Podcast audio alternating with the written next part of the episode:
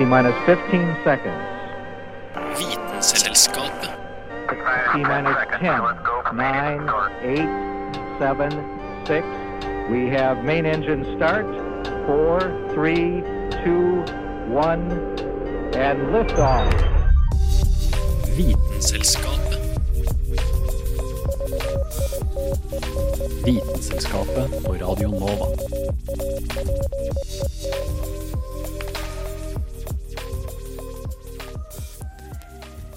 Vi er omringa av farger på alle kanter.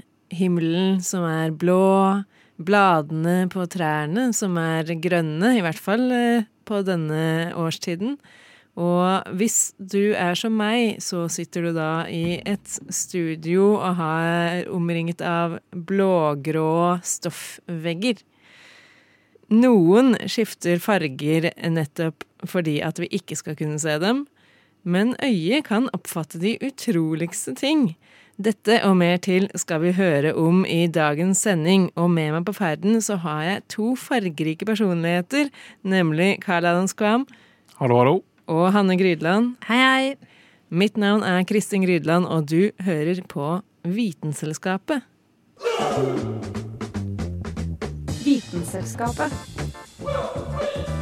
Vitenselskapet på Radio Nova.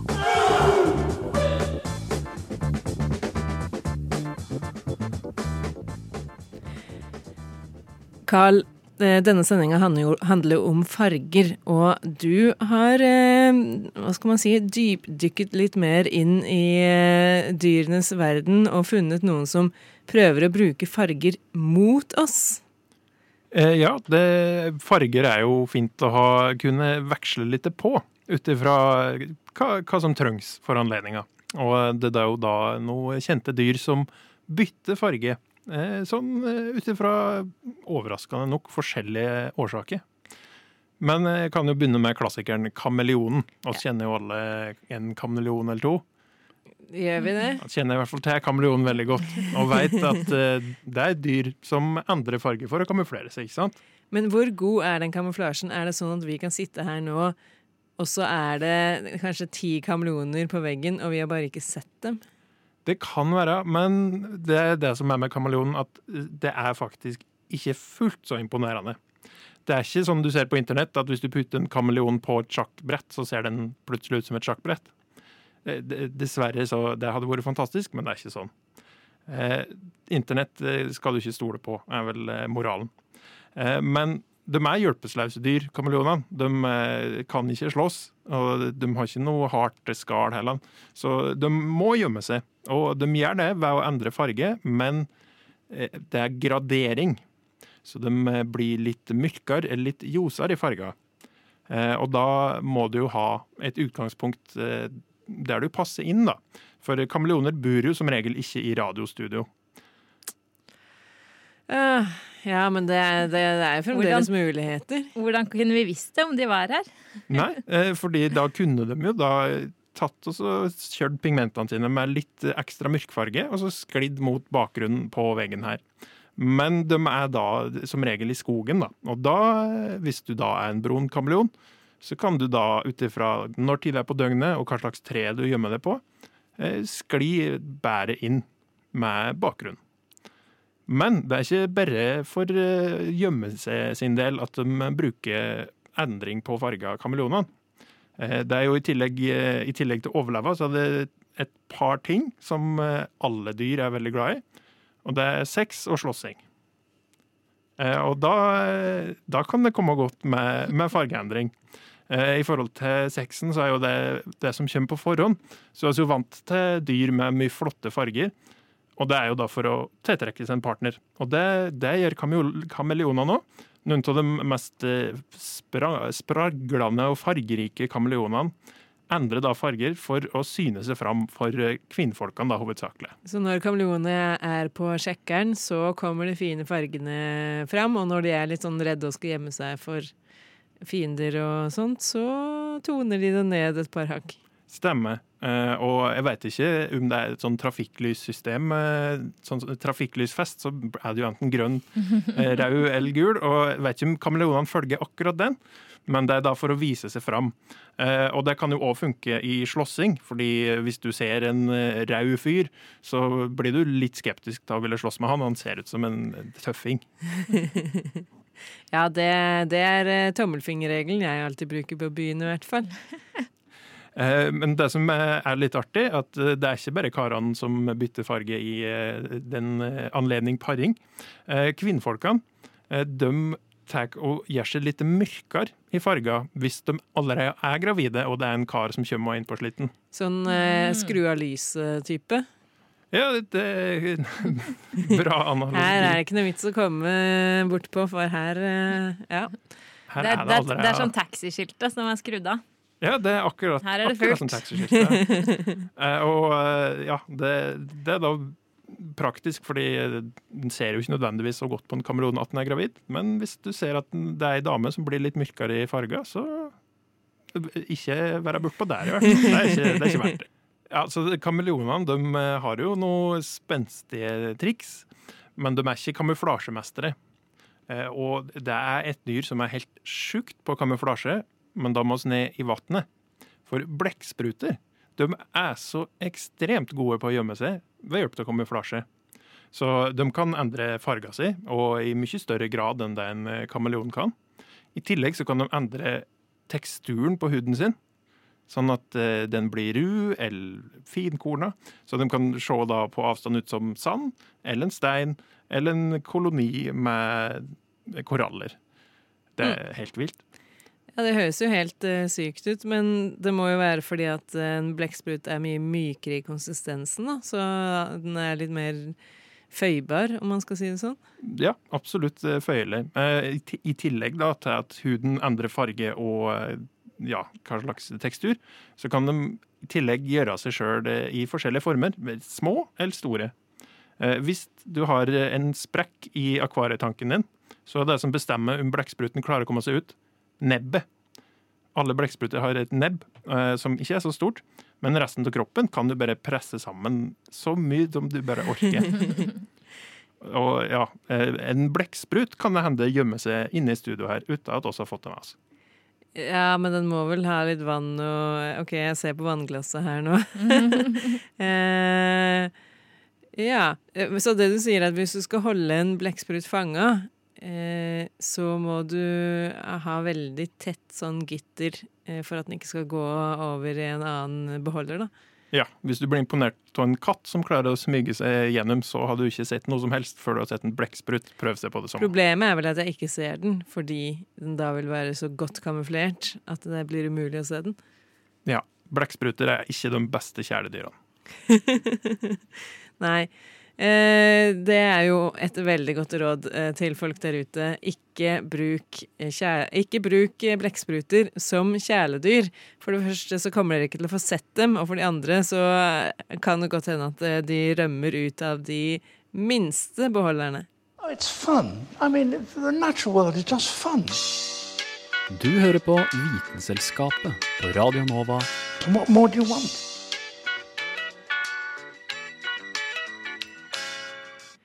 Nå er våren her, og vi ser jo at det blir grønnere ute.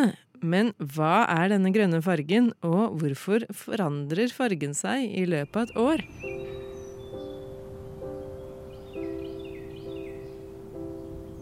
Det begynner å bli varmere. Solen er oppe lengre om dagen.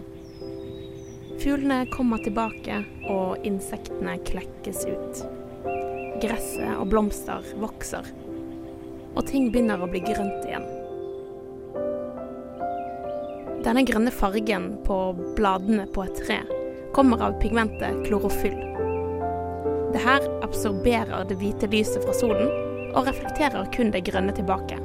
Og derfor ser vi bladene som grønne.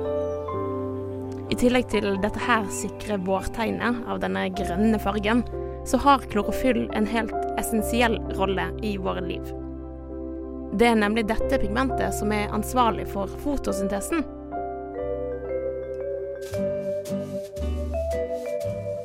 Klorofyll klarer altså å absorbere solenergi, omdanne det til kjemisk energi, sånn at det blir produsert både sukker og oksygen. Det finnes forskjellige typer klorofyll som absorberer forskjellige bølgelengder fra sollyset. I tillegg til dette så har plantene hjelpepigmenter som karotenoider og santofyll. Dette bidrar til at planten kan absorbere en større del av lyset som kommer fra solen. Som du vet, så skjer jo det forandringer i fargene på treet i løpet av et år. Og da kan du faktisk se disse hjelpepigmentene. For om høsten så brytes dette grønne klorofyllet ned, og næringsstoffene transporteres fra blad til stamme og røtter. Lange netter er et signal, og da omprogrammeres treet og bladene fra aktiv vekst og fotosyntese til aldring og død. Når dette skjer, blir bladene gule, som er fargen på disse karotenoidene. Disse hjelpepigmentene er faktisk i bladet hele tiden, året rundt, men kommer altså bare til syne når dette grønne klorofyllet blir borte. En av oppgavene til disse karotenoidene er å beskytte bladet for overopphetning fra den eksplosive reaksjonen som faktisk skjer her, altså fotosyntesen.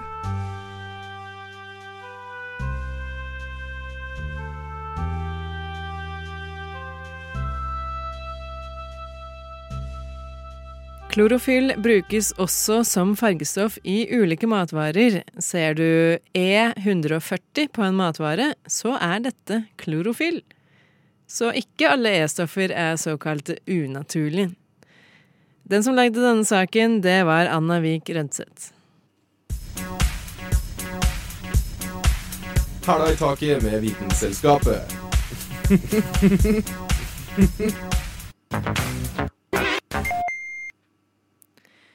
Nå er det jo sånn at eh, alle her i studio har eh, eh, øyne som har øyenfarger. Og jeg er faktisk i mindretall her. Fordi begge dere to, Hanne og Carl, har jo blå øyne.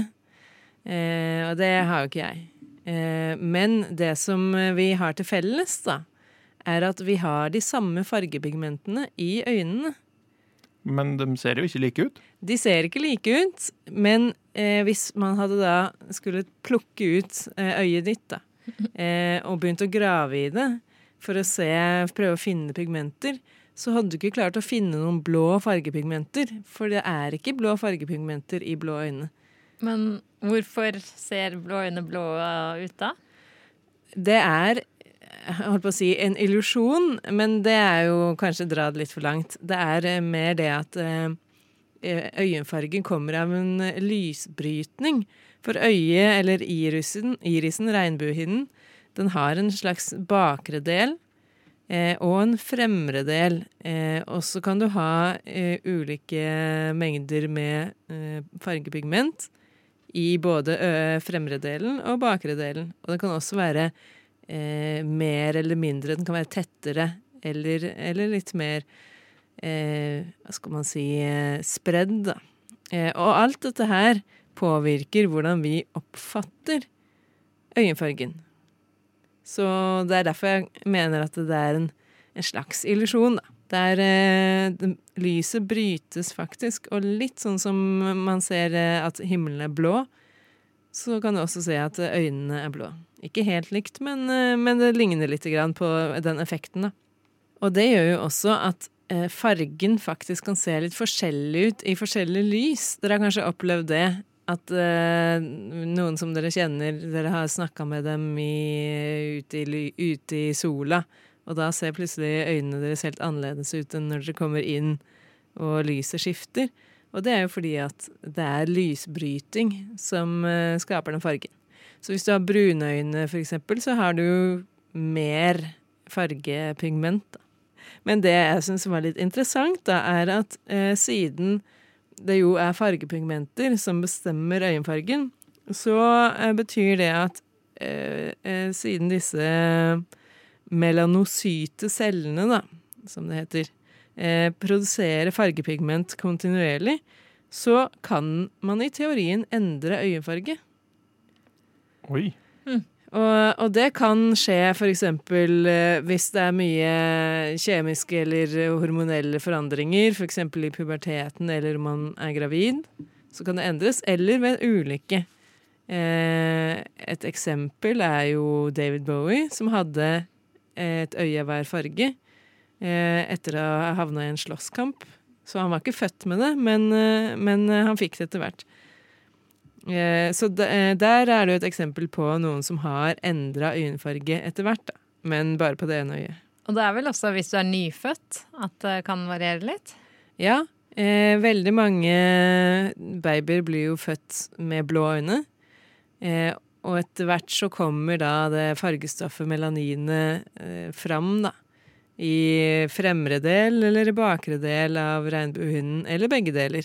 Og da kan du få Enten så kan du jo selvfølgelig være en baby som får blå øyne når du er voksen, eller så kan du få brune øyne og andre typer farger. Eh, og melaninene er jo der av en grunn. Og nå kan dere kanskje gjette hva den grunnen er. Solskjerming? Yes. Det er jo sol Nei, det er jo eh, øyets innebygde solbriller. Eh, og de som har mørke øyne, de har mye melanin, og det er melaninet som beskytter. Så de som har mørke øyne, er eh, bedre beskytta mot lys. Eh, så dere som er eh, blåøyde, dere, deres øyne er da mer mottagelig for lys, og det betyr at lysreseptorene deres kan lettere bli skada. Og derfor så er det jo lurt å gå med solbriller, da. For eh, eh, hvis disse lysreseptorene blir skada eller blenda, så eh, er det ikke så lett å se Altså, da blir du ikke så følsom på lys og mørke. Så eh, lysøyde folk ser gjerne farger litt mørkere enn mørkeøyde folk. Ja. Ikke veldig tydelig, men eh, nok til at, det kan, at man kan ha litt ulike meninger om om fargene, da, for eksempel. Okay. Så vi er kanskje litt dårligere, dårligere til å kjøre i tunneler også, da? det, må, det, tror jeg er personlige egenskaper, Hanne. Uten at vi trenger å si så mye mer om det. Eh, men dere tilhører iallfall et eh, mindretall, da. For eh, det er jo ca. 80% av mennesker har brune øyne. Kanskje litt mer. Og så er det 8-10% omtrent som har blå øyne. Men uh, jeg som da har brune og grønne, har jo da øyenfargen hazel. Det er ikke noen godt norsk uh, navn på det, tror jeg. Uh, og det er det bare 5% i verden som har. Mm. Du er ja da. Mm. Så jeg måtte jo selvfølgelig få med litt grann selvskryt på slutten der.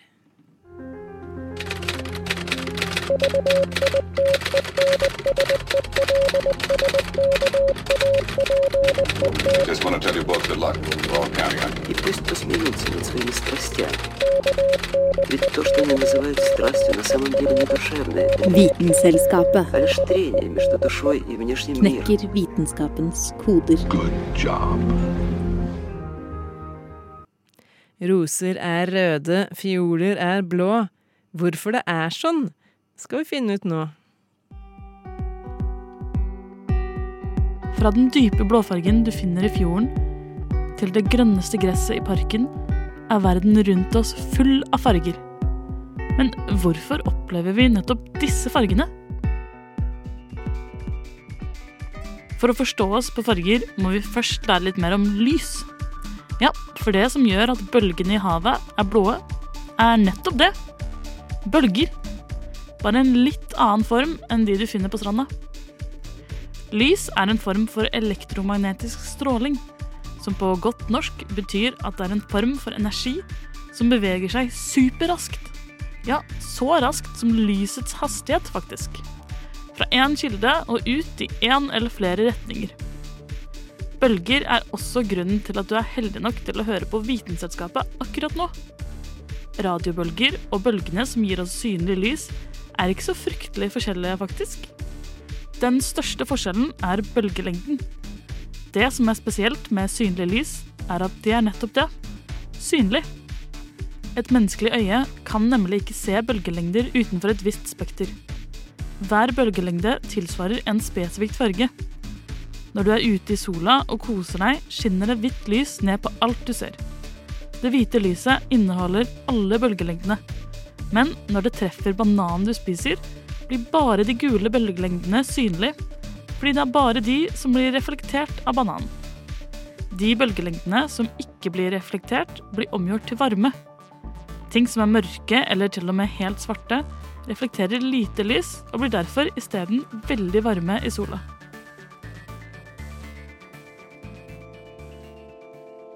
Inne i øyet blir lys observert ved at det reiser inn i netthinnen bak i øyet. Netthinnen er satt sammen av millioner av staver og tapper som reagerer på lys. Når disse cellene oppdager lys, sender de en melding til hjernen. Tappene er de cellene som oppdager farger, og de fleste av oss har tre forskjellige av dem. De oppdager hver forskjellige farger, og ved å kombinere dem kan vi altså se hele det fine spekteret av synlig lys. Noen mennesker mangler én eller flere typer tapper, og det er det som gjør at noen kan bli fargeblinde. Nervesignaler blir så sendt fra øyet til hjernen via den optiske nerven. Hjernen tolker så disse signalene for å lage et mentalt bilde. Den optiske nerven sender så dette signalet videre til synssenteret i hjernen, hvor et ordentlig bilde begynner å danne seg. Forskjellige deler av hjernen analyserer forskjellige aspekter ved bildet, som form, farge, dybde og bevegelse. Sammensatt blir dette gjort om til alt du ser gjennom øynene dine.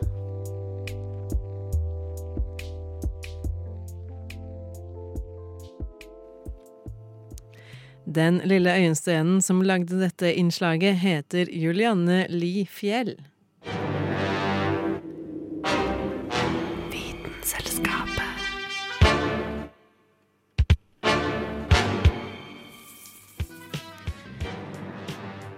Jeg sa tidligere i dag at fargene i dette studio var eh, blågrå vegger, men det stemmer jo ikke helt, fordi vi sitter jo her, og vi har jo også farger på oss. Eh, undertegnede har på en grønn genser, svart bukse. Eh, Hanne? Jeg har jo ikke kledd meg spesielt fargerikt. Her går de svart fra topp til tå. Men jeg legger merke til at Carl på andre siden av bordet her har på seg blå jeans. Og blå jeans det, Det er en klassiker. Det er en klassiker, men det er også et godt utgangspunkt for å snakke om fargestoffer. Eh, fargestoffer det kan jo kanskje være, virke litt sånn tørt og, og, teoretisk, men det er jo kjemiske substanser eller forbindelser som eh, vi bruker til å farge klær, og vi kan bruke det til å farge mat eller eh, plastikk, gummi, hva som helst. Eh, men akkurat det med å farge klær, da. Vet dere hvorfor jeansen er blå? Et eller annet med gruvedrift? ja. Eh, det er fordi det var den billigste fargen? Altså, det starta jo Jeansen vet dere jo startet med Levi Strauss på 1800-tallet. Som uh, skulle gi gruvearbeiderne i USA noen noe arbeidsbukser. Om man ikke visste det før, så vet man det nå i ja. hvert fall. de hadde jo arbeidsbukser fra før av, som var et veldig sånn lignende stoff som denim, men de var brune. Men Levi Strauss kom inn, lagde blå denimbukser, og grunnen til at han brukte blå som fargestoff Altså, han brukte blå fordi da kunne han bruke indigo som fargemateriale. Hvor er det indigo kommer fra, da? Det kommer fra en plante i Øst-India, i Bengal. Men det som er litt spennende med indigo, er at det har en kjemisk egenskap at det fester seg Når du farger stoff med indigo, så vil indigofargen bare feste seg på utsiden av fibrene andre blå fargestoffer, de vil penetrere hele fiberet. Er det derfor du får sånne slitte jeans med striper og mønstre, solbleika og Ja, fordi det geniale da, som Levi Strauss fant ut, var jo at når du vasker en jeans, så vil fargestoffet vaskes av. Litt etter litt. Men det fargestoffet det sitter så godt på fiberet, sånn at når det vaskes av, så vil det rive med seg litt fiber. Sånn at for hver eneste gang du vasker det, så vil stoffet bli litt mykere og mykere og mykere etter hvert som mer og mer av de ytre fibre forsvinner. Og så vil du også få en mer sånn slitt eh, look, da. Så det var rett og slett eh, eh, fargestoffet som i hvert fall eh, var med på å gjøre buksa mer og mer behagelig, da. Ja, eh, det stemmer. Eh, og så nevnte jeg jo indigo, eh, og at det kom fra en plante i Øst-India. Det gjør det jo ikke lenger. Eh, nå blir jo indigo framstilt syntetisk. Det som er litt artig, er jo at syntetiske farger de fantes jo ikke før på midten av 1850-tallet. Eh, da var det en, skott, en skotte som fremstilte det første syntetiske fargestoffet, som heter movin. Kanskje ikke så kjent i dag, men det ser litt sånn fiolett-rødt ut, da. Eh, og det ble på en måte startskuddet på hele den eh, kjemiske eh, fargestoffindustrien. Eh, altså moderne kjemisk industri, fordi man fikk eh, muligheten til å bygge opp svære fabrikker hvor du måtte gjøre mye testing på lab og sånn, og være veldig presis i utviklingen av disse kjemiske fargestoffene. Eh, også man, fargestoffer har jo også gått i fronten innen andre fag, ikke bare innen kjemisk industri. Eh, litt artig var immunologi og kjemoterapi. De har sitt eh, utspring fra fargestoffer. På hvilken måte da? Eh, I 1891, Kristin, så var det en fyr ved navn Paul Ehrlich eh, som fant ut at det var noen celler i kroppen som selektivt, selektivt tok opp visse fargestoffer. Eh, og så postulerte han eh, ut fra det her at hvis han eh, injiserte en tilstrekkelig stor dose med fargestoff, så kunne man drepe eh, patogener eh, i cellene. Em, så han testet dette faktisk ut, lagde en, sånn, et, lagde en samling av fargestoffer. Sendte det inn i cellene, eh, og lagde da et stoff som virka mot syfilis. Oi. Eller skulle virke mot syfilis, da. Jeg fant ikke helt ut om det faktisk virka. Oh, ja. Eh, Så det var du dreper, det, du dreper sykdom med farge, da? Ja, så det var faktisk første gang et kjemisk stoff ble brukt for å selektivt drepe bakterier i kroppen. Eh, og han samme fyren brukte senere eh, en farge som heter metylenblå, til å eh, bekjempe malaria. Gikk folk rundt og var helt blå da, hvis de hadde brukt denne medisinen? Det sier ikke historien noe om. Er det der det kongelige blått blod kommer fra? De hadde malaria i utgangspunktet. Men en annen kongefarge er jo purpur. Vet dere hvor lenge man har brukt purpur? Nei, jeg, jeg, hvilken farge er purpur igjen? Er det rødt eller lilla? Det er litt ikke. sånn lilla, men det kan også gå i blå retning og i rød retning. Ja, Så mørk lilla, liksom? Mm. Eh, I romertiden så ble jo det brukt bare av de aller, aller rikeste. Høres ut som det kanskje var litt sjeldent, da. Ja. Eh, det kom Det er faktisk framstilt fra sneglesekret. Det er ikke noe moro å drive og samle opp, vel? Eh, melke Nei. snegler. Ja, hva driver du med da? Nei, jeg er sneglemelker.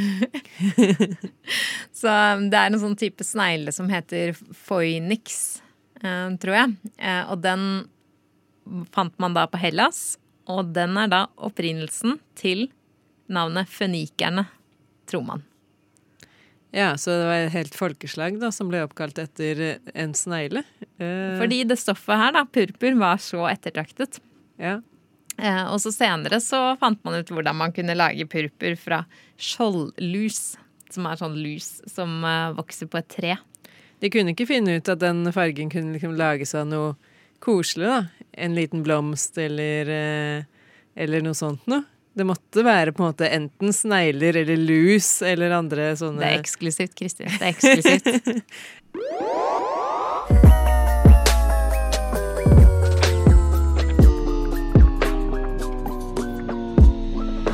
Vitenselskapet.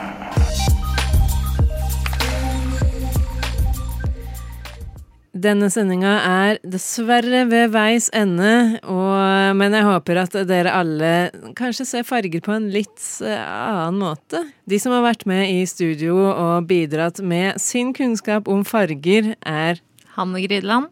Og Carl Adams Kvam. Mitt navn er Kristin Grydland, og det er jeg som har vært deres programleder i dag.